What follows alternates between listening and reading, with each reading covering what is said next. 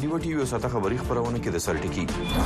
د پښتونخوا صوبایي اسمبلی نن آزاد کاندید علي امین ګنڈاپور د صوبې وزیر اعلی منتخب کړ څېړنکار په صوبه کې ترهګره بریدونه هدفي وژنې او د امنیت خرابه وضع د اقتصاد ترڅنګ نوي حکومت لپاره لوی چیلنجونه ګڼي د شفافیت نړیوالې ادارې ترانسپرنسي انټرنیشنل د پیښور په هنتون زده کوونکو ته د موسمي بدلون په حق له د پوهې ورکولو په مخه فیلوشیپ یا تربیتی پروګرام شروع کړي افغانستان سره د کاروبار لپاره د چمن لارا احتجاج کوونکو خلاص کړي خو وايي ک نوي حکومت یې د افغانستان سره په پاسپورت د تګ راتګ کولو پریکړه واپس وانه خسته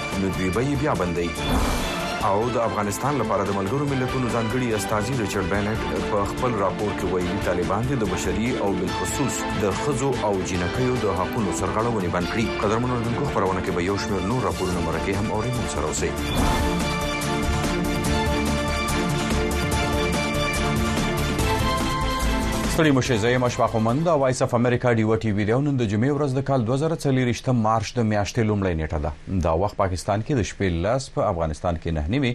او په واشنګټن ډي سي کې د غرمې دولس بجې دي راځو د نن ورځې مهم خبر پلو ته د پښتونخوا صوبایي اسمبلۍ په خپل نننی اجلاس کې آزاد کاندید علي امین ګنډاپور د صوبې د نوي وزیر اعلی په حیث ټاکلې د علي امین ګنډاپور د نوي وټونو په مقابله کې مخالف امیدوار د مسلم لیګ نون ډاکټر عباد الله 14 وټونه واخسته د اسمبلۍ د نن ورځې نور تفصیل د ډیوه خبریال عثمان خان په خپل راپور کې د پیښور نه پیښور نه وړاندې کوي اسمبلۍ ته خپل ړومبۍ وینا کې علي امین ګنډاپور وویل زه په هغه نوي سړک څه وکړم چې زما خلک او قوم په دې کور ته تللی شي خو په خپل کور کې د بچو سره محفوظه نشي وده کېدلی. هماره دنیا نه سب سه بړا چلنج هې. مونږ به د ټولو ړمبې دشت ګردي ختموو امن او امان زمونږ د پاره ضروري دي هيڅ يو قوم ترقي نشي کولي تر څو چي امن نه وي مونږ ته به وړاندي تلل وي او د هغه د پاره امن په ځای کول وي مونږ قوم او ولس ته داسي سړک نه دی پکار روډ دي کچه وي خو چي بچي په امنيت کي وي. خو علي امين ګنډاپور بيا وويل، الله تعالی به د ولس او د عسکرو قربانو ته ګوري او د ترهګرو زړونه به د ترهګرۍ نه اړوي. د وزيراعلی د وينا ډېره برخه په تحريک انصاف او د هغوی د بندي ليډر عمران خان په هکله وه او نوي وزيراعلی د اليکشن کميشن د مشر نه د استعفې او د انتخابي درغليو د عدالتي پلټنو غوښتنه وکړه. وزیراعلا په پولیسو غږ وکړو چې د نهمې مۍ وروسته د تحریک انصاف غړو جوړې شوې بې بنیاده مقدمې دې په یوه هفته کې ختمې کړي. که په یوه هفته کې دا مقدمې ختمې نه کړې شوې نو مونږ غلطې اف آی آر درج کوونکو ته یوه موقعه ضرور ورکوو. که دوی د اصلاح دپاره تیار نه وي بیا دې د سزا دپاره تیار اوسي.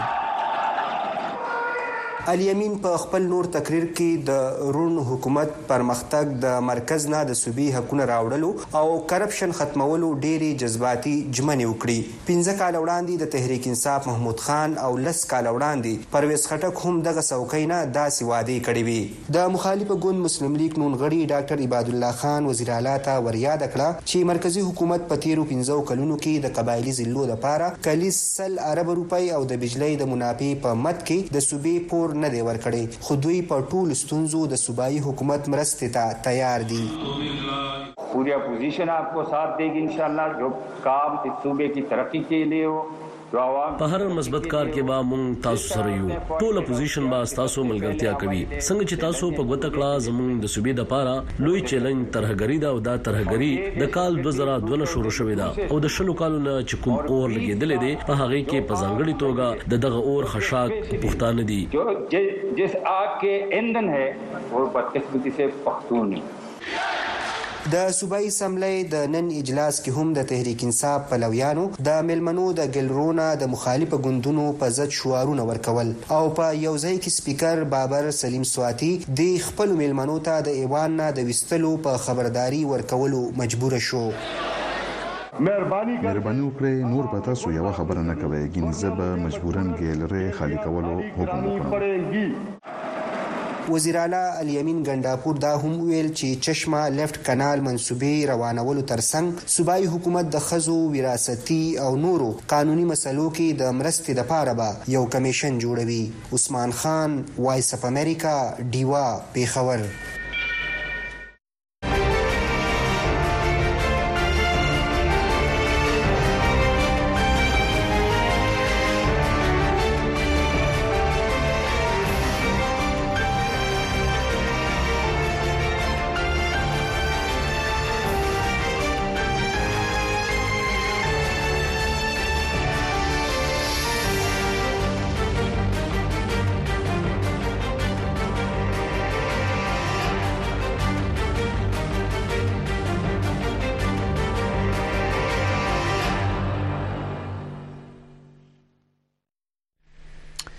قدرمن اوریدونکو د ډیوا ټي وي یو ساته خبری خبرونه ته نه خپنه غو واشنگټن ډي سي نه غواګي د خیبر پښتونخوا صوبې اعلی وزیر امین علي امین ګنداپور نوی وزیراعلی په حیث منتخب شوی دی او د وزیراعلی په حیث یې اسمبلۍ کې خپل لومړی وینا هم کړې ده صوبې ته تر ټولو غټ چیلنجونه د ترهګرۍ چې کم دی وخت ورپیښ دي په هغه کې امنیت ته د صوبې په وسایلو د اختیار خبره ده او په دغه صوبه کې چې د اقتصاد کم غورځیدل حالت ته د دغه بیا را جوړول په دغه باندې چې دغه وینا دی کومه کړې ده د سیمینار سړنکار او ستر خبريال اسماعیل خان صاحب موږ سره ملګری دی غینه تفصیل اخلو اسماعیل خان صاحب سړي مشي وعلیکم السلام مننه اسماعیل خان صاحب د علي امین ګنداپور په وینا کې هغه غټي خبرې چې کمې د دغه صوبې د خلکو غوښتنې دي ستاسو په خیال باندې هغه خبرې په صحیح توګه باندې دغه وینا کې راغلي کنه په دې کې ځنې خبرې پاتې دي او هغه لا د دې په دغه وینا کې نه وي شامل زه فکر کوم چې علي امین د خپل هوم ورک نو کړی ځان تیار کړی نو د دې دغه لپاره د چې کله په ایوان کې منتخب شي وزیر اعلی نو هغه په ړومبي تقریر کې خپل یو پالیسی یو ویژن ورکړي د صوبې د پاره د دې په لهجه کې ډېر زیاته تلخی و او دا غي خپل وجوهات هم دي چې کم په دې پارټي سره وشول تحریک انصاف سره او بیا په کوم حالاتو کې د ټاکنې شو الیکشن شو د دې ټاکنه په ټوش ولا د هغې خپل وجوهات په خپل ځای باندې دي او تلخي ډیره زیاته وه ما ته پکې څه پالیسی او څه دغه کارونه شو ویژن ځکه چې دی زما په خیال کې دی تیاری او پوره نیولې نو خبره لکه اوس مثلا دی پکې چې د دغه لپاره بدی بیا د منصوبه را شروع کړي د صحت انصاف چې کوم د انشورنس پالیسی و د خلکو د لپاره د روجې د لومبه دروځنه هغه د پاره وسایل پکار دي دا وسایل به د کم ځای نه راځي صوبې سره خو دی وخت وسایل ونه ډیر هسپتالونو سره د سرکاري هسپتالونو د انصاف کارت د لاندې نور علاجونه بند کړي ځکه چې دا غي مخکینه پیسې له حکومت ته پاتې دي دا غي پیسې نه دی ورکړي نو بیا دا رنګ د ترخګرۍ خلاف چې د کم بیان ورکو نو د تم پته ده چې د د ترخګرۍ خلاف د پالیسی دا د صوبې په اختیار کې نه ده، دا اختیار د مرکزي حکومت سره دی او بیا ته په تېره تېره دا فوج چې کوم دی نو د پاکستان فوج دا د هغي یا د هغه دی هغي پالیسي جوړوي او په هغې باندې عمل کوي نو د دغه صاحب چې کوم دی د الیمین ګنډا پور صاحب چې نن کوم بیان ورکړو د هغې نه داسې معلومیږي چې په راتلونکي میاشتو کې وختونو کې د خیبر پښتونخوا د حکومت او په اسلام اباد کې مرکزي حکومت ترمنځ به سیاسي مخاصمت دښمني به لیدل کیږي په مختلف شکلونو کې بغیر ښکار کیږي اسماعیل خان صاحب د دې په دې خبرو کې یو خبره و چې که د عمران خان خلاف یا د دوی د پارټۍ د نورو خلکو په خلاف جوړې مقدمې یو هفته کې ختم نه کړې شو دی براوزی دی به احتجاج کوي دی به بیا چې کم دنو حالات سنگین کوي خو بلې غواړي ته دا وایي چې الله تعالی دې د الله تعالی به د ولس او د عسکرو قرباني چې کم دین هغه ته ګوري او د ترخګرو زړونه بنرمي او بیا به چې کم دینو ترخګری ختميږي ستاسو په خیال باندې دی د ترخګری ذکر خو کو د ختمون خو آلته کې دی کوم سخته لهجه په هغه کې هغه شان ونه خوده که ترهګري په دغه صوبه کې نه ختميږي نو د دوی ګوند په دغه صوبه کې په حکومت کې د دوی بچ کم دینو بیا د احتجاج لار اخلي یا بچ کم دینو د امنیتي ادارو پر ضد باندې احتجاجونو تراوزی یا بد دغه ترهګري ختمون لپاره یو سداسي اقدام باندې مرکزی حکومت او دغه ادارې مجبورې چې لکه دغه تل کې د ترهګري خاتمه وشي داسې قسمه بیان په ښکارا نشو دا څه ده چې یو د مقدمو د ختمولو اختیار د حکومت سره شته دی د دغه په دې پوه نه شوم چې ګنداپور صاحب د د دمکی تھریټ چې کوم دی دا چاله ورکو ځکه چې د نه پس خو امنیت به د وزیر اعلی د دغه د لاندې پولیس په د وزیر اعلی د اختیار د لاندې د داخله د چارو محکمه چې کومه ده هغه به د وزیر اعلی لاندې وزیر اعلی چې به احکامات ورکیو دا غي د حکم د لاندې به د قانون مطابق دا دغه کوم مقدمه راستل کیږي نه به د قانون تر لاندې کیږي دا په دې باندې نه کیږي چې تاسو د چې کوم څنګه لهجه دي استعمال کړه په دغه طریقه نه کیږي دویمه خبره چې کوم دی د پی ټی آی خپل یو پالیسی پاتې شوې ده تحریک طالبان پاکستان او دغه رنګ نور چې کوم ډلې دي دا غي پر هغه پالیسی دا غدا چې د عمران خان صاحب وینا مطابق هغه وختل مخکې دا خبرې کړې د سو سوزله چې خبرې ترې کول پکار دي او دا غي په حکومت کې د جنرال فیض د مشرۍ د لاندې خبرې ترې روانې شوې مې د تحریک طالبان سره هغه خبرې ترې بیا هم د دې حکومت کې په ځای باندې ودرېدلې نو هغوی همیشه غوښتل چې خبرې اترې دې وشي دې حد پورې چې عمران خان صاحب چې کله دلته حکومت نه مونو هغه دا خبره کړې چې باید تحریک طالبان پاکستان ته یو سیاسي دفتر د کولاولو موقع ملو شي نو هغه یو نظر لري یو پالیسی لري په د خبرو ترو بل لخت چې کم دی هغه د سټیټ یا د ریاست یو خپل پالیسی د فوج یا د حکومت مرکزی حکومت دی وخت چې کپ پالیسی دا هغه دغه ده چې هیڅ خبره ترې به نه کیږي او جنگ به روان وي نو په دغه سه حال کې د ډاکټر صاحب د پاره زه نه پوهیږم چې هغه سره ډیر زیات څه چويس شته دی یا ودی د خپل د وزارت د وزیر تعالی چې کله د حکومت ته اوس دی وکه دی به څه نوی پالیسی ځان له راجوړی یا به د حکومت یا د ریاست پر ضد باندی به څه پالیسی جوړی ځکه چه دا د دی په اختیار کی نه دی نو ځکه تاسو ته ښکاری چه د دی په دی بیان کی تاسو ته به ښکاری چه څه له غوندی تضاد دی. اسماعیل خان صاحب بل دی د مرکز نه د صوبې د وسایلو د راوړو خبره وکړله بیا چشمه چې کوم کینال له پاغي باندې دی ذکر وکړو دغه پروژې هغه پروژې دي چې دا د لسیزو راهسې دغه ته پرتی دي دغه مطالبه دغه خلکو دي فکر کوی چی دی ګینی د دی حکومت به په دغه باندی هم په سنجیدګی سره کار وکړي کنه دغه تش د وینا پورې وه. خبره دغه ده چې زمونږ د صوبې تقریبا 95% وسایل چې کم دي پیسې هغه د وفاق نه صوبې ته راځي صوبې سره پیسې د خپل پیسو د جوړولو دومره ذرایع شته نه نو چې یو وخت حکومت دلته کې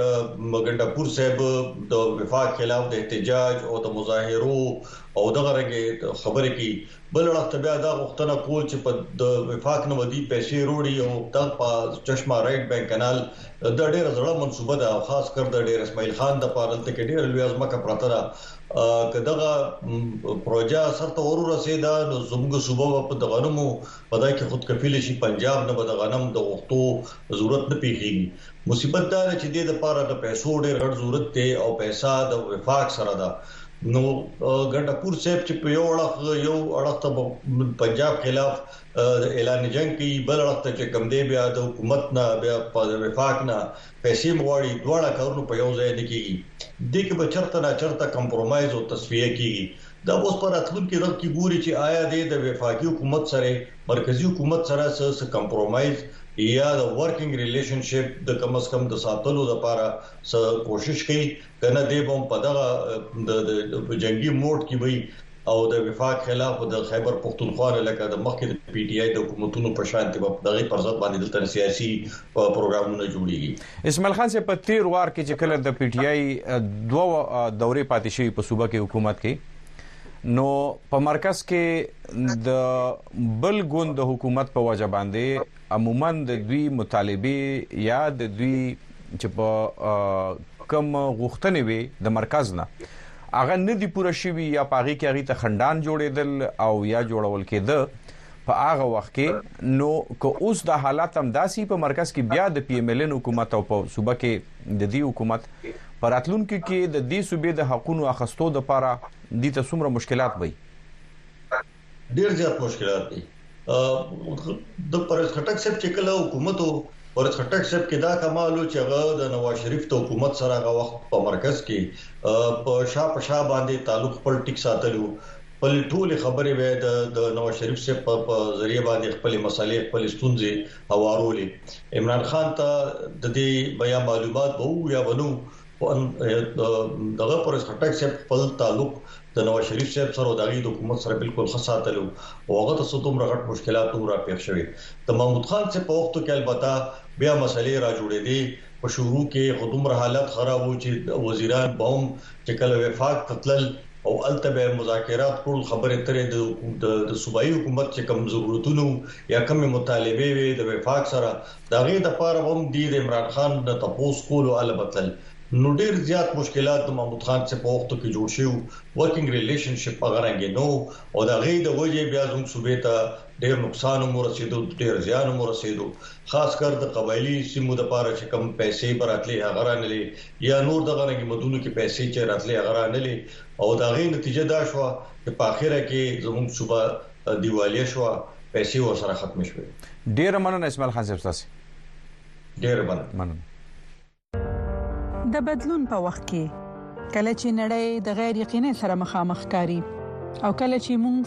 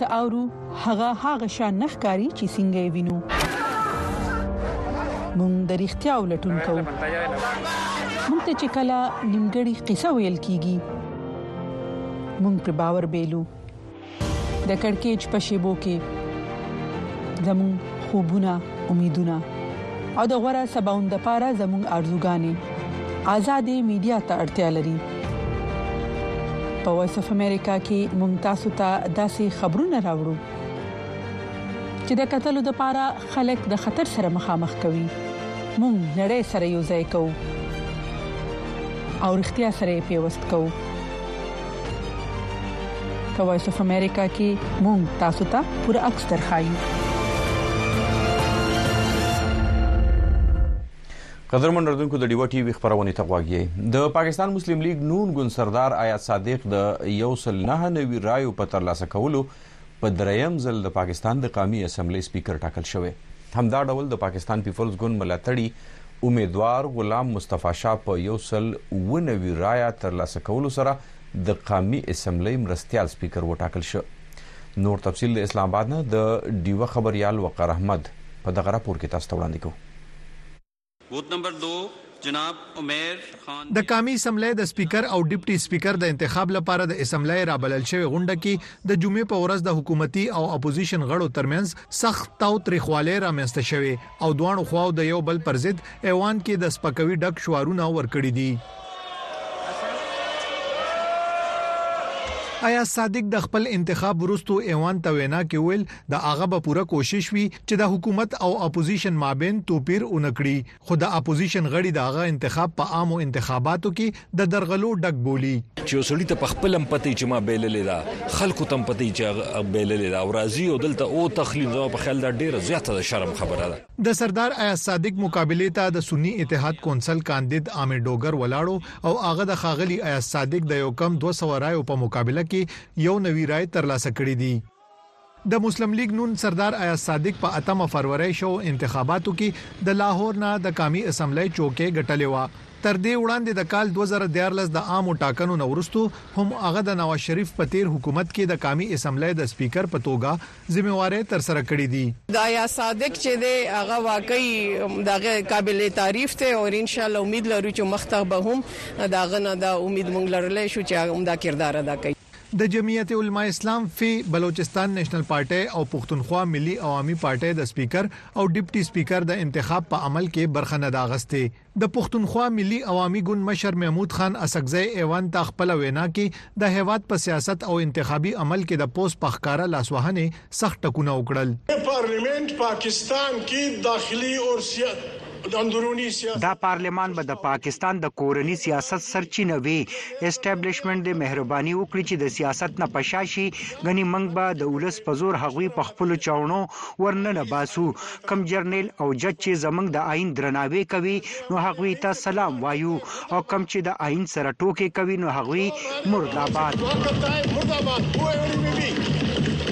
ناقدین تمه لري چې د قامي اسمبلۍ د نوې ټاکل شوې سپیکر کردار به د خپل پیشرو اسد قیصر د رول څخه بدل او بې پلاوه وي. سپیکر چې دی هغه ډیر اهم رول دی په پارلیماني ډیموکراسي کې د پاکستان په جمهوریت کې او هغه سره پوره هاوس چې دی قومي اسمبلي دغه په لاس کې د هاوس چې څومره افیرز دي کاغه بجټ دی کاغه بلنګ دي کاغه لاز دي عوامي نېشنل پارټۍ په ګډون پاکستان تحریک انصاف او نور ګوندونه د اتمې فروری په ټاکنو کې د درغلیو تورونه لګوي احتجاجونه کوي او د شوو درغلو رڼې پلټنې غواړي کردار خو د د وخت نه مشکوک دی چې د جالي خلک ووټ ورکړي او په جالي طریقه دی راشي دا خو مشکوک دی کنه د دې کردار څه پاتې شو مرزا دا چې قیصر چې راغلی واسط قیصر ناغه خو په عوامي منډیټ خو کم از کم راغلی او بکسه کې هوټل وکنه د دې نوړاندې د زیارت په ورځ د قامي اسمبلی نو منتخب شو غړو سوګن کړي او ټاکل شوې ده د پاکستان د نوي وزیر اعظم ټاکنه به د اتوار پر ورځ کیږي پاکستان مسلم لیگ نون او پیپلز ګوند په شریکه شهباز شریف د وزیر اعظم د پاره نومولې دی د تحریک انصاف ګوند عمر ایوب خان به د سنی اتحاد کونسل لخوا د وزیر اعظم امیدوار وي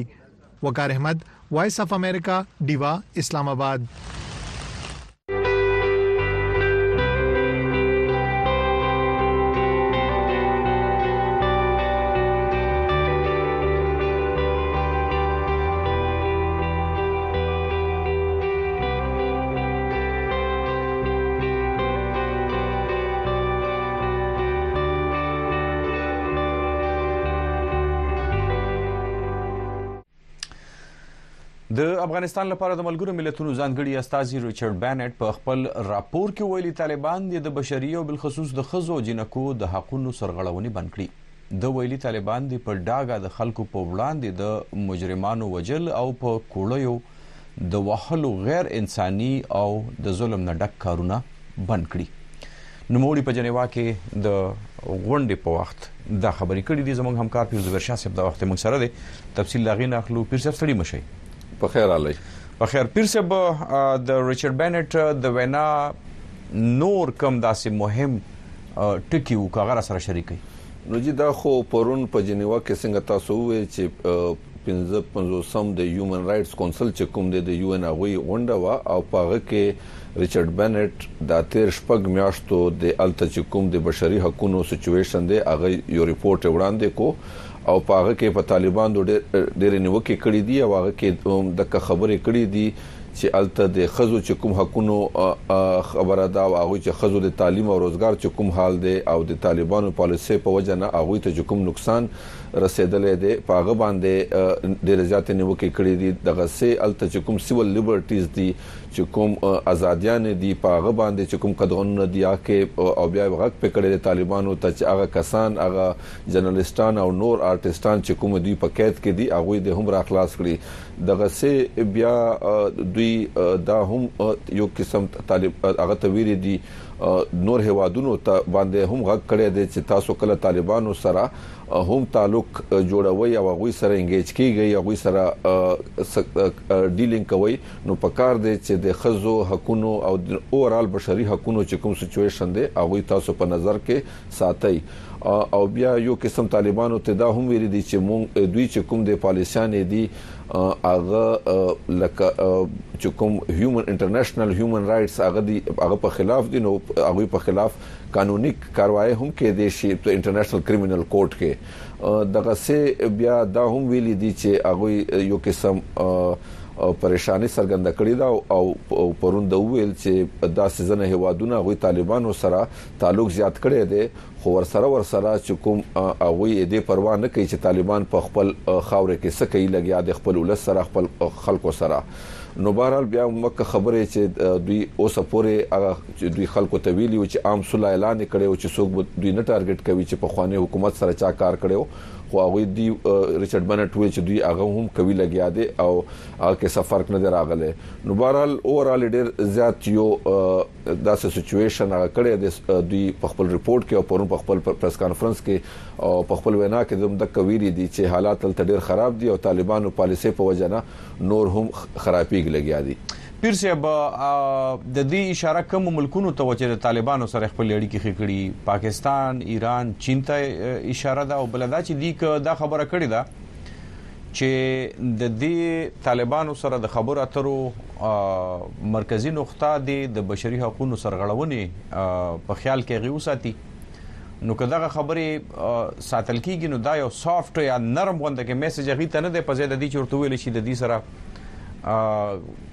اړیکې تر هغه ونه ساتل شي ترڅو چې دغه بشري حقوقونه غي چې کم دینو دغه پالنه نه کړي جی دا هوادونه خو بالکل تاسو ته ویل بالکل هوادونه ور سره رابطه شته ته پاکستان د ور سره او وی طالبانو سره دغه سي چین ک تاسو وګورئ نو یو قسم ډیر زیات تعلق ور سره کړی دی دغه سي ایران خو به زه دومره دومره نږدې بنئ خو بهرال پاکستان او چین دغه سي لکه ډیر مخکې دی په تعلق کې او څومره پورې د طالبانو سره د انګیجمنت خبره ده نو اوس په دې ټایم چیلنج دا دی چې کفرز کا انګیجمنت اون کې نو الته ډیر زیات عام خلک نورم خرابيږي الته غربت دی الته ډیر زیات حالات خراب دي کفرز کا انګیج او انګیجمنت ور سره کوي نو دک بوي چې طالبان به نورم مضبوطیږي او طالبانو تم دا پته شته چې دوی سره بل لار نشته موږ سره به انګیجمنټ خامخا کوي او ولې چې دا یو حقیقت دی خو بهرحال اوس په دوی کوشش دا وی چې یو قسم طالبانو ته وایي چې نور که تاسو انګیجمنټ غواړئ نو هغه کې به تاسو خامخا ولې چې طالبان کوشش کوي چې موږ په رسمي توګه وپیژني او د پرون د خبرو نه ریچارډ برټ خبرو نه دا سخکاري چې طالبان لکه دوی نه دي تیار د یو ان او نور هوادونو ته داس یو قسم خبرداري ورکړې ده چې داسې ضروري نه دي چې موږ طالبانو په جنو چې کله پر دوی خپل پالیسان نه بدل کړي نو یو قسم سیاست د طالبان به هم اوس په دې فکر کوي موږ وګورو چې دوی څنګه جواب ورته وایي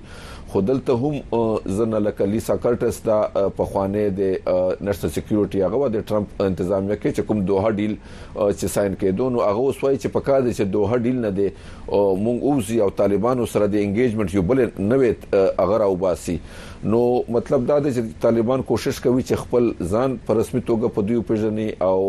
ما په خیال پرون چې د کوم د ریچارډ بنن خبرې دي او چې کوم د شپږ میاشتو ریپورت دی دې کې داسې ښکاري چې اوس هم دوی یو ان تیار نه دی او یو ان کوشش به دا وي نور هیوادونه سره چې په طالبانو نور هم فشار واچوي چې دوی خپل پالیسیانې بدلې کړي او که فرض که پالیسیانې کې لږ فرق راوستو نو کېدای شي بیا هم هم پیژنې رسمي توګه باندې ډیره مننه پیر صاحب تاسو ډیره مننه مننه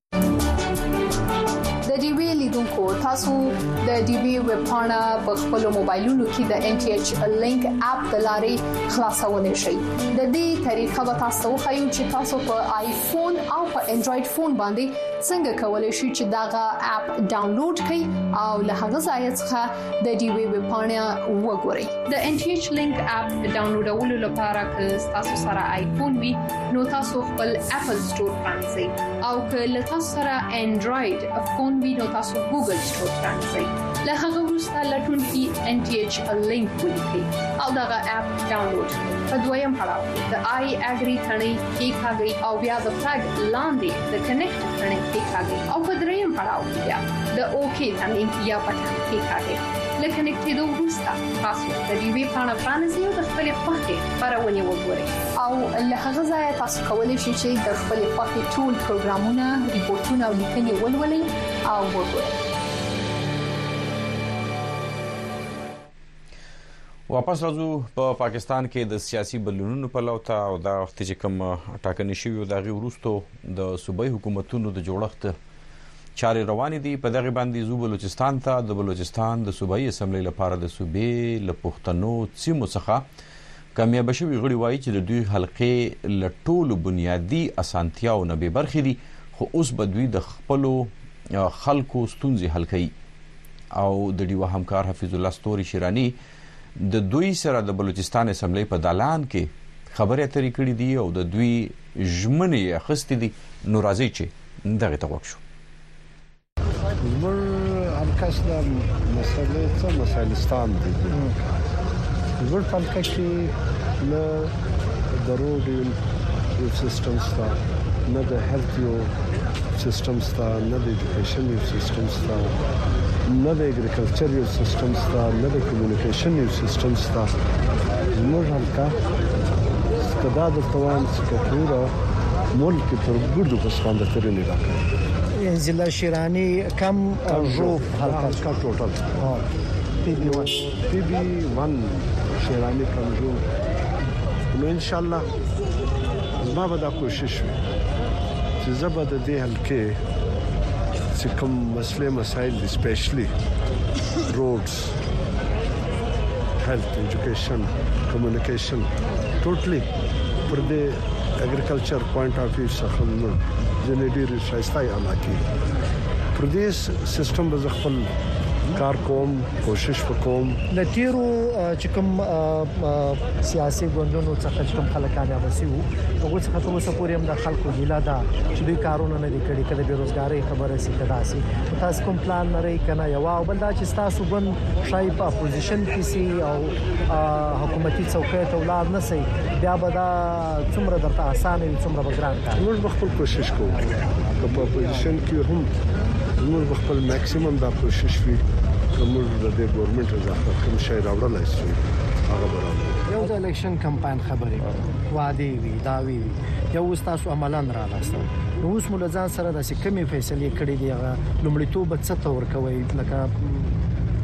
ما په الیکشن کمپاین کې هم دغه خبره ول چې قومونو جوړیږي هغه په تعلیم جوړیږي تر څو چې موږ خپل ایجوکیشنل سیستم نه برابر کړی تعلیم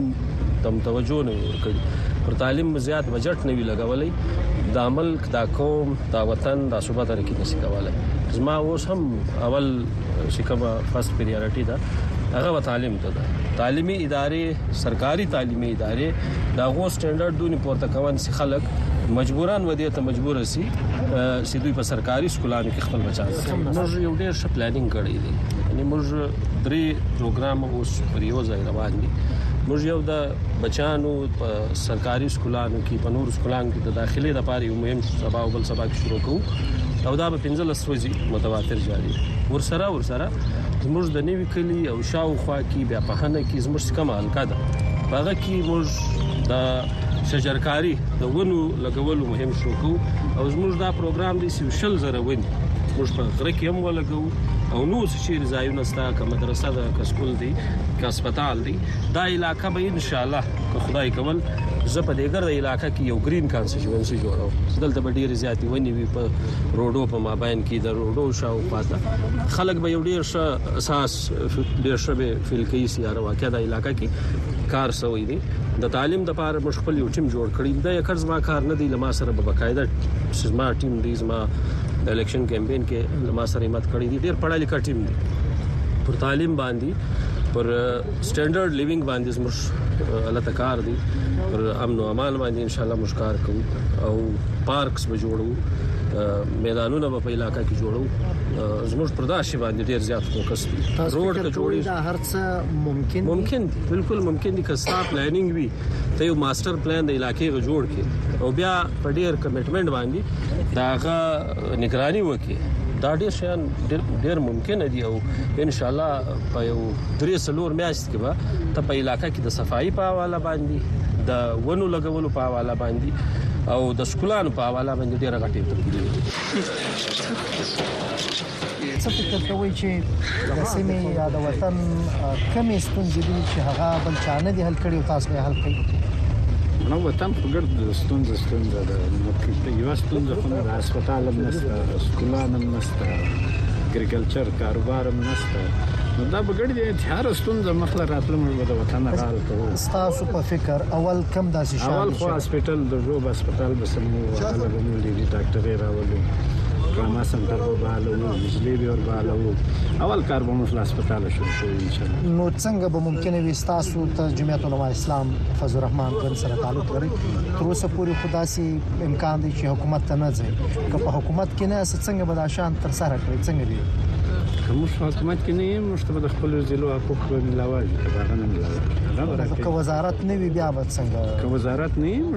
خپل کار کو نو د خلکو ډیر زیات او کواتم دی بلکې ستاسو کوم سیاسي مخالفین دي وزارتونو خپل لستي اوس په ایوان کې یو 50 کسان دي شپږ کسان دي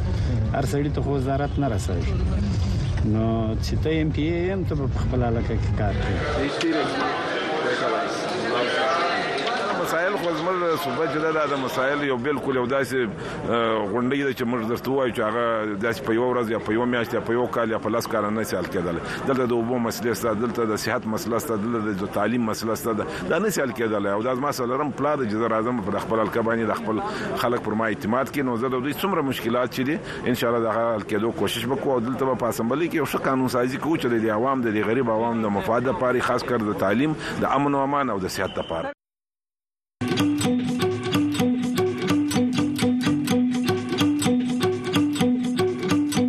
ویوي دیوا په سټلایټ ټي وي هر ورځ سلویریش ساته په دیشنټینا تاسو په یو ټل سټلایټ په ټي وي تازه تولا او به طرفه خبرونه بحثونه او سیړنی کتلې او اوریدلې شي د یوټل سټلایټ فریکوئنسي یا سپې او یا بي او یا اشاریه 15 ایست چینل یو سلدري هر ورځ سلوي ساته لډي وسره اوسئ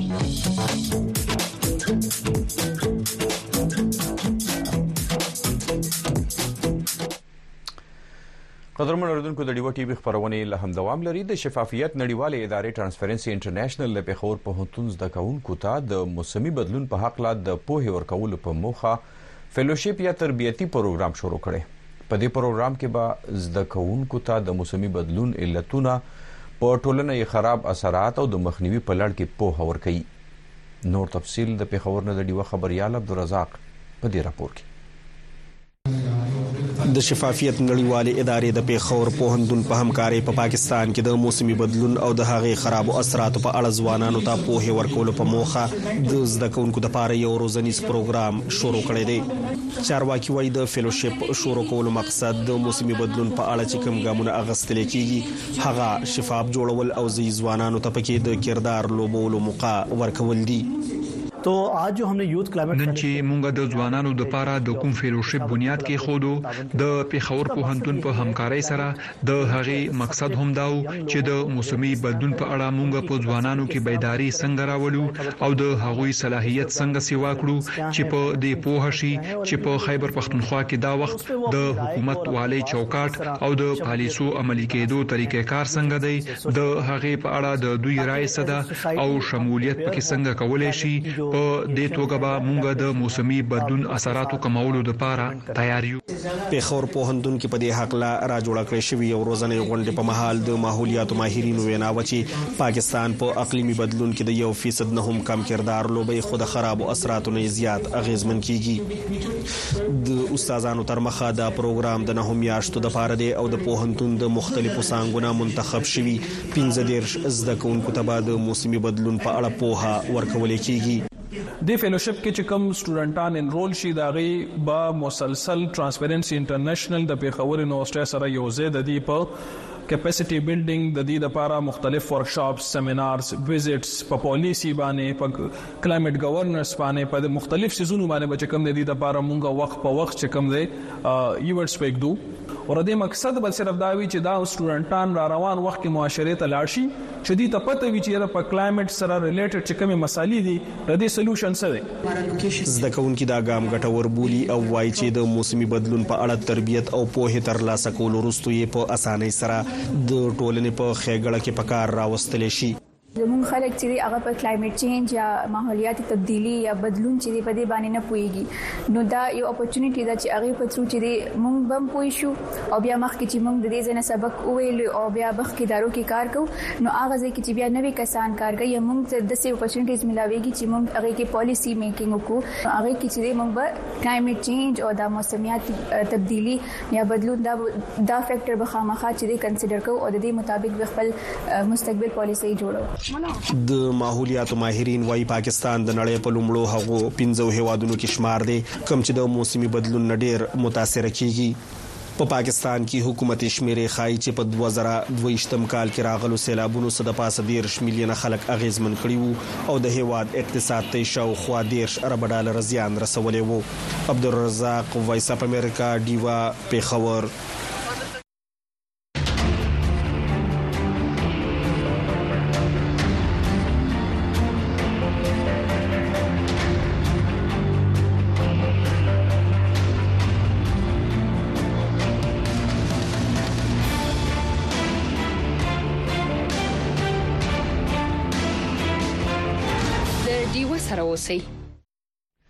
د خیبر پښتونخوا مردان تعلیمي بورډ په پاکستان کې میشت افغان کډوال هلکانو او جینکو زده کوونکو ته د ویړیا تعلیم ورکولو منځوري ورکړي د مردان بورډ چارواکي وایي چې د لسم نه تر دولسم ټولګي پورې زده کوونکي د داخلو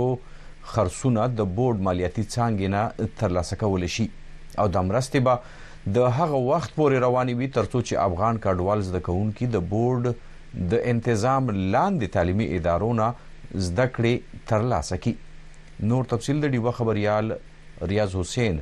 د مردان نه په خپل راپور کې تاسو ته وایي. حامد خان افغان کډوال دی، په پاکستان کې زیږیدلی او په مردان سبزي منډۍ کې د میوې روزګار کوي.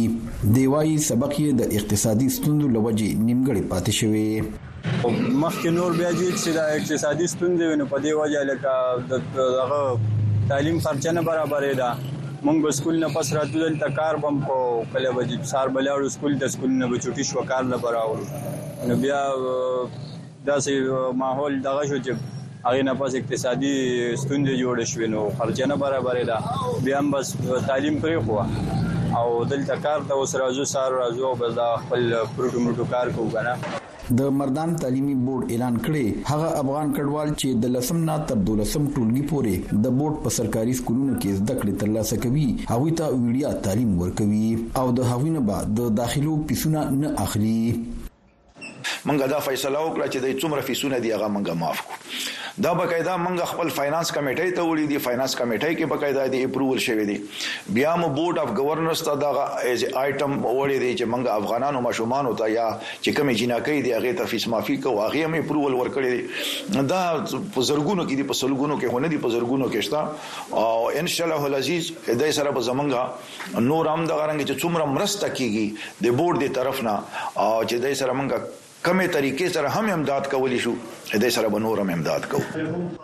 د خیبر پښتونخوا د نورو برخو پرنګ په مردان ښار کې هم په سلګونو افغان کډوال زده کړې ترلاسه کوي خو د اکثرو نه د مالی مشکلاتو لوجې تعلیم نیمګړی پاتې شي محمد وصال هم افغان کډوال دی په لسم ټولګي کې زده کړې ترلاسه کوي دی وايي تعلیمي خرڅونه یې ورونه پوره کوي او که د سکول خرڅونه یې کم شي نو زده کړې به مخ په وړاندې بوزي دی وايي افغان کډوالو ته په کالجونو کې داخلي په مشکل ترلاسه کیږي او باید چې د کې اسانتیاوي راوستي شي مخکې هم سودا ده چې لکه پسټ ایئر کې موږ ته څنګه ده داخله ملاویږي سیکنډ ایئر کې شو لکه دا ډیره ګرانه خبره ده سر زموږ لپاره چې دا حکومت د طرف ته دا درخواست ده چې افغان مهاجرینو ته هم دا دغه اسان کړي دا لکه ډکومنټ شو یا نور څه شو سر جي چې لکه په اسانه ورته داخله ملاویږي. په خیبر پښتونخوا کې د افغان کډوالو د چارو دفتر یا افغان کمشنریټ وایي په صوبه کې د شپېتو زرونه زیات ماشومان په سرکاري او د کډوالو په تعلیمي ادارو کې زده کړې کوي او زیاتره د افغان کډوالو ماشومان په بازارونو کې د تعلیمي خرڅونو پوره کولو لپاره مزدوري کوي افغانستان کې د طالبانو په واک کې دراتلو وروسته د خزو په الاز د کړو بندیزونه هم لګول شوي او د پاکستان دننه هم افغان کډوالو ته زیاتره وخت تعلیمي اسنادو ترلاسه کولو کې ستونزې رامنځته کیږي د ملګرو ملتونو د کډوالو ادارې یونیسیار د شمیرو تر مخه 14 لکه رجسټرډ افغان کډوال په پاکستان کې ژوند کوي او د 500 زرونه زیاتو ماشومان ته یې د صحت او تعلیم زمينه برابر کړې ریاض حسین وایس اف امریکا دیوا مردان زما دا پوخ یقین و چې په ازادۍ او مرګ کې به ځان ته یوه لار خوښوم، ما ته پته وه چې که زه ځان د یو نه بیلوم نو بله به لازماً خوښوم. که بل څوک یې کوي او که نه، تهی کار صحیح. د هر انسان ژوند باید د بل لپاره یو مثال جوړ شي. د هر عمل یو عکس العمل ضرور د انسان لاس ته هغه څه راځي چې څه یې کړي.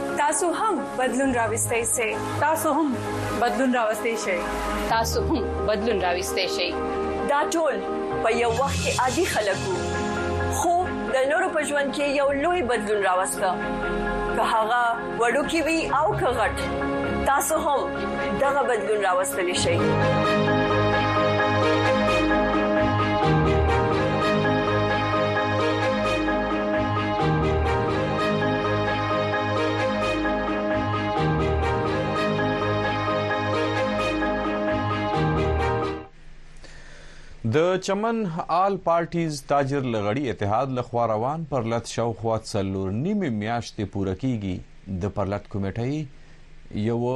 مشر غوث الله اڅکزی وایس اف امریکا دیو ته ویلي دي چې چمن د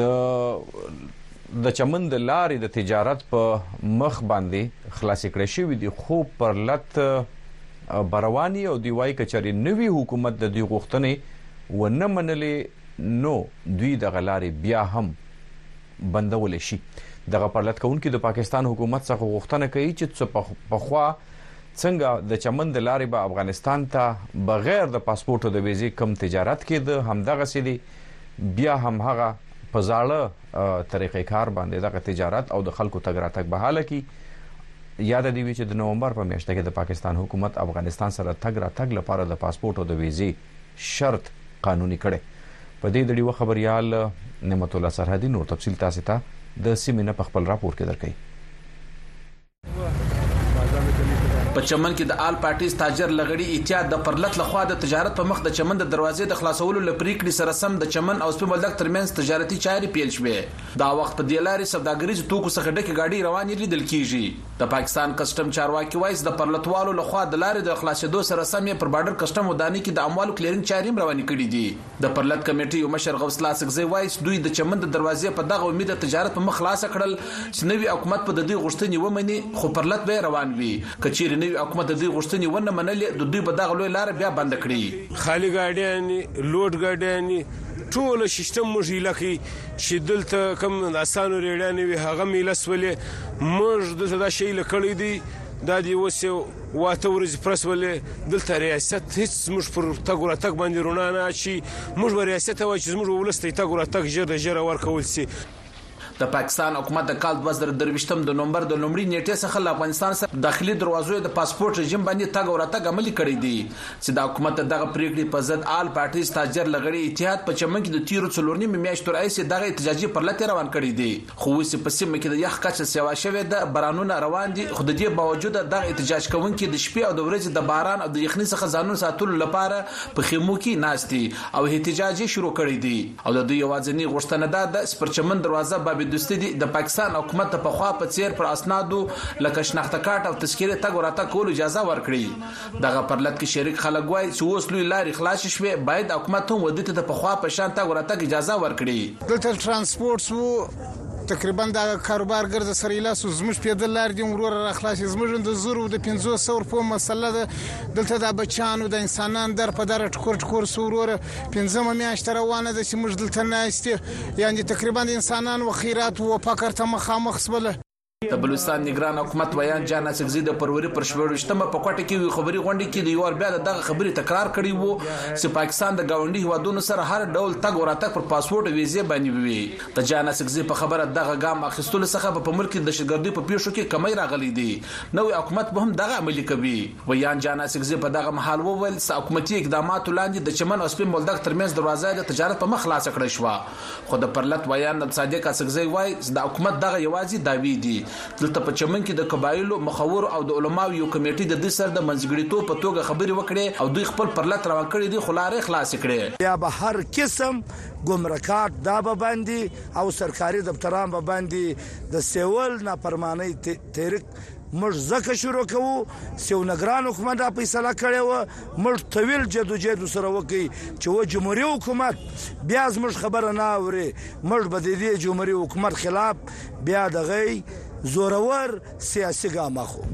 د تیر کال د اکتوبر د شلمې راهیسې آل پارټي ستاجر له غړي اتحاد د پاسپورټ او ویزې لازمي کولو خلاف دلته په چمن کې په احتجاج بوخت ده دوی د پخوا په څیر پر پاکستاني شناخته کارت پر افغان تذکرې پر پوله د آزاد تګ راتګ غوښتنه کوي خو دغه لارې د بندېدو له امله د زیات مشکل سره مخامخ د سیمې سوداګر وايي چې د چمن او سپین بولدک ترمنځ لاره بندېدو له امله دوی د کروړو روپو مالي زیانونو سره مخامخ شول دا وخت د پاکستان څخه د سبزیانو او تازه میوو سیزن روان دی هغه اموال دوی افغانستان کې منډیانو ته د چمن د لارې نه ورسول او نور خورکي توکي لکه وریجو او دالونو کومې سوداګانې چې کړي وې هغه سوداوې هم ختمې شوې نعمت الله سرحدي، وي او ای ډیوه ټي وي، چمن. د بدلون په وخت کې کله چې نړۍ د غیر یقیني سره مخامخ کاری او کله چې موږ ساورو هغه هغه شان نخ کاری چې څنګه وینو موږ د اړتیا ولټون کوو موږ ته چې کله نیمګړی قصه ویل کیږي موږ په باور بیلو د کڑکېچ په شېبو کې زموږ خوبونه، امیدونه او د غوره سباوند لپاره زموږ ارزوګانې ازادې میډیا ته اړتیا لري. په وایس اف امریکا کې موږ تاسو ته داسې خبرونه راوړو چې د کتلو لپاره خلک د خطر سره مخامخ کوي. موږ نړۍ سره یو ځای کوو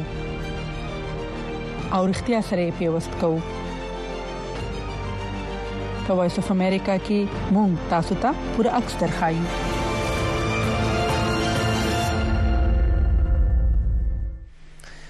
په بلوچستان صوبه کې د بارانونو له امله درې تنه مړ شوې دي او د حکومت وایي چې تر ټولو زیات زیان غوادر او کې ضلعو کې وخته صوبايي حکومت سرکاري او شخصي سکولونه تر یوې اونۍ پورې تړلي دي او په ګواده کې د باراني اوبو وستو د پاره حکومت وایي چې هلې ځلې روانې دي د ډیوه خبريال حمید سمسور نور تفصیل وړاندې کوي په بلوچستان کې د قدرتي اپتونو پر وخت د انتظام اداره پیډمي ویلي چې په ورستوي بارانونو کې په خاران کې د یو کور د چت د نړېدو په پیښه کې درې تنمړ شوې دي او تر ټولو زیات زیان د ګوادر او د کیچ په قبایلي سیمو کې شوی دی د پی ډی می ډایریکټر جنرال جان زیب خان ویلي چې د کوټي ګوادر په ګډون د بلوچستان په دوه وزیلو کې بارانونه شوي دي هغه وویل پی ډی می ضلعي انتظامیه پوځ او نور ادارې د اوبو د ایستلو لپاره ګامونه اخلي ډي جی پی ډی می ویلي چې په کوټه کې د باران لوجي له اوونه تر اتو پورې کورونه ړنګ شوي دي، د باران د ختم کېدو نه پس به یې د نقصان په هکله سروې کولی شي. ګوادر کې دوه ورځ کې دوه سوه او تیس ایم ایم نه زیات باران وشو، هلته موږ لګیا یو ډي واټرنګ کوو، کوم خلک چې ډسپلیس سوي وو هغوی لپاره موږ ځایونه تیار کړي او کچیر موږ هغه د پر انتظام کو موږ لیف آیټمز استولې دي ان شاء الله د دوه درې ورځې کې الته د باران پریډکشن نستا موږ به ډی واټرینګ باندې خلک به خپل ځای ته واپس راوړو نن سهار نوشکی والا لار چې دا هغه سلور 15 غنټه د پر بند سوی هغه مو سټور سوی دا یو بل جیونی سمخته ایران بارډر خواته يو ځای کې شګاف راغلی ده هلته نيچې لګيا دي کار کوي اوبه جمع شوې ده شار کې او هغه داسې دی کې زموږ چې کوم هلته سیستم وو د اوبه ایگزټ کول غوادر کې هغه اوس پر کمپلیټ نه دی د وجانه دا صورتحال ته جوړ شوی دی د غوادر ځای خبريال بیرام بلوس بیا وویل په غوادر ښار کې لتیرو څلور ورځو راهیسي د باران اوبه ولاړې دي چې لامل یې خلک له سخت ستونزو سره مخ دي د ګوادر ځايي خبریال بیرام بلوڅ پر مخ زیاته کړله، ګوادر ښار، سربندان او په جیوني کې د بارانونو له امله په لسګونه کورونه په جزوي یا مکمل زیانمن شوي دي. بیرام بلوڅ دا خبره هم کوي چې له ساحلي ښار ګوادر څخه د باراني اوبو نه د ایستلو په ضد د دوو ورځو څخه احتجاج دوام لري. تېره ورځ ښاریانو په میرین ډرایو او ایرفورټ روډ باندي د خنډونو په جوړولو سره احتجاج وکړی. احتجاج کوونکي ویايي چې تر اوسه له ګوادر ښار کې او له کورو ځخه اوبه نه دي وتلي چې دوی له سخت حالت سره مخ دي. له ګوادر ځخه د بلوچستان اسمبلۍ غړی او د حق دو تحریک مشر مولانا ادایت الرحمن له ګوادر ښار ځخه د اوبو د ایستلو په اړه پر پورته شوو ګامونه بې باوري څرګنده کړله. او ویې ویل چې حکومتي ادارې د خلکو د مرستو لپاره خپل مسوولیتونه نه دي پوره کړي. هغه زیاته کړله چې تر اوسه له ښار ځخه د اوبو د ایستلو لپاره کوم پلان نه دی نیول شوی. په ارباو روپۍ د نکاح ثیاب لپاره خرچ شوي دي خو ناکامه شوي. د ګوادر خلکو ته د بډو رشوتونو سزا ورکول کیږي. قومي او صوبايي ادارې فعاله نه دي. نګران حکومت د ټیلفون د لارې ګوزاره کوي، په عملي بڼه نه لیدل کیږي، خلک په خپله او ضلعي انتظامیه د دوی مرسته کوي، په ډیره لویه کچه باندې تباهي شوې ده. ټاکل شوې وه چې د کوټې په شمول د بلوچستان په شمالي سیمو کې تعلیمي ادارې د ژمي د درو میاشتو د رخصتۍ وروسته به د مارچ پر لومړۍ نېټه خلاصې شوي وای خو د بارانونو له کبله حکومت د مارچ تر اوومې نېټې پورې د ټولو سرکاري او شخصي سکولونو د تړلو اعلان کړی دی. حمید سمسور، یو ای ډیوه، کوټه.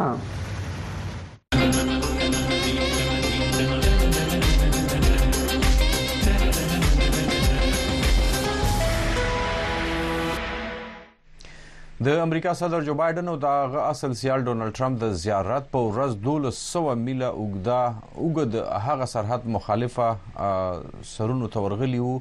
چې ټکساس د مکسیکو نه بیلې دواړو امریکا ته د زیاتیدونکو کډوالو ورننوتلو موضوع ته پام راړولې خو د دوی پيغامونه د يو بل نه بيخي بدل وو چې ښکاره کول يې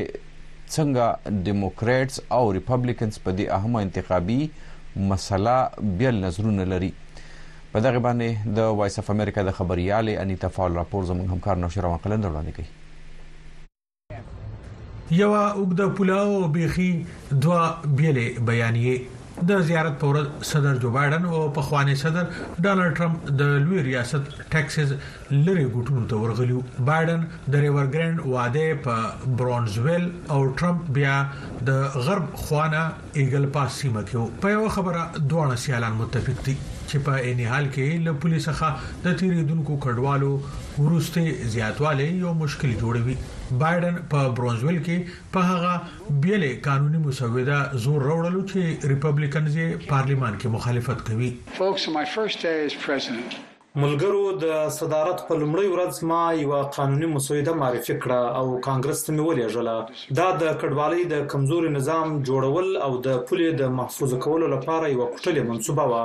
خو هیڅ کار پرې ونه شو. بیا څو میاشتې وړاندې زما ټیم د ډیموکریټانو، د ریپبلیکنز اهمه زاړه پالو او د مترقي ډیموکریټانو سنیټرانو د یو متفقې ډلې سره سنجیده خبرې اترې پیل کړې. چې په نتیجه کې یې یوه منل شوې قانوني مسوده مخې ته راغله. دا د سرحدي اصلاحاتو په لړ کې تر ټولو سخته قانوني مسوده وه چې په دې هېواد کې وړاندې نه وه لیدل شوې. ټرمپ دا د جنګي حالاتو په رنګ بیان کړل او ویې ویل، د بایډن پالیسو په زرګونو هغه کډوالو ته اجازت ورکړلو چې د ده په خبره جرمونه کوي. دا د جو بایډن یرغل دی. دا د تېرو دریو کالو نه د بایډن یرغل دی. د ټکساس ریپبلکن گورنر د موجوده صدر په ځای د صدر ټرمپ سره ملاویدل غوړه کړل هغه ژمنه څرګنده کړه د پولې کابو کولو ریاستي ګامونو ته به دوام ورکړي کوم چې به د واشنگټن سره قانوني جنگ زیات کړي سرحد اوس د ډموکراتیک د ووټرانو په دماغو کې یوه داسې راپورته کیدونکي مسله ده چې په اړه یې څه کول دي خو په دا وخت په حقیقت کې د ډموکراتیک ګوند مرکز سره صفا خبره نشته چې د پولې په اړه وکړي. د یو غیر معمولي ګام د لارې بایډن په یوې مفاهمتي خبره خپله دوره ختمه کړله او د ټرمپ سره یې رابطه وکړه. زه به دلته ښاغلي ټرمپ ته ووایم چې په دې مسله د سیاست کولو او د کانګرس غړو ته د دې قانونسازۍ د مخنیوي ویلو په ځای دې له ما سره یو ځای شي یا به زه له ده سره شم او چې کانګرس ته ووایو د پولې د تحفظ لپاره دې دا متفقه قانوني مسوده پاس کړي. موږ دا په شریکه کولای شو. خو دغه دروغ جوړې خبرې د ټرمپ د سختو بیانونو سره په ټکر کې دي. دوی ما ته جنګ کوونکي ښکاري. څه غلط روان دي. اوس وخت امریکا لکه چې د بایډن د مهاجرتي جرمونو پر ضد کې ده. دا زموږ د هیواد پر ضد د لمس یو نوی شکل دی. دا د کډوالۍ جرم دی. خو څېړونکي بلینک وايي د ټرمپ د مهاجرتي جرم په خبرو کې څه حقیقت نشته او منل شوی تعلیمي مطالعه ښایي تر دې چې له اسنادو بغیر کډوالو کې هم د امریکایي وګړو په پرتله د جرمونو کچه کمه ده ټرمپ د سختو بیانونو د لارې لوبې کوي چې ورته په یو نظر قام پرسته یا په ځینو کیسونو کې نسل پرسته ویلی شي او مهاجرت د جرم سره د تړلو هڅې په حقیقت کې پخپله په ریپابلیکن ګوند کې هم دوه غټ موضوعات دي، د امنیت او د بې کابو سرحد په مسله دفاع کول ډیموکرېټس په مشکل کې غورځوي، خو د ریپابلیکن ووټرانو لپاره یو زړه راښکونکې موضوع ده.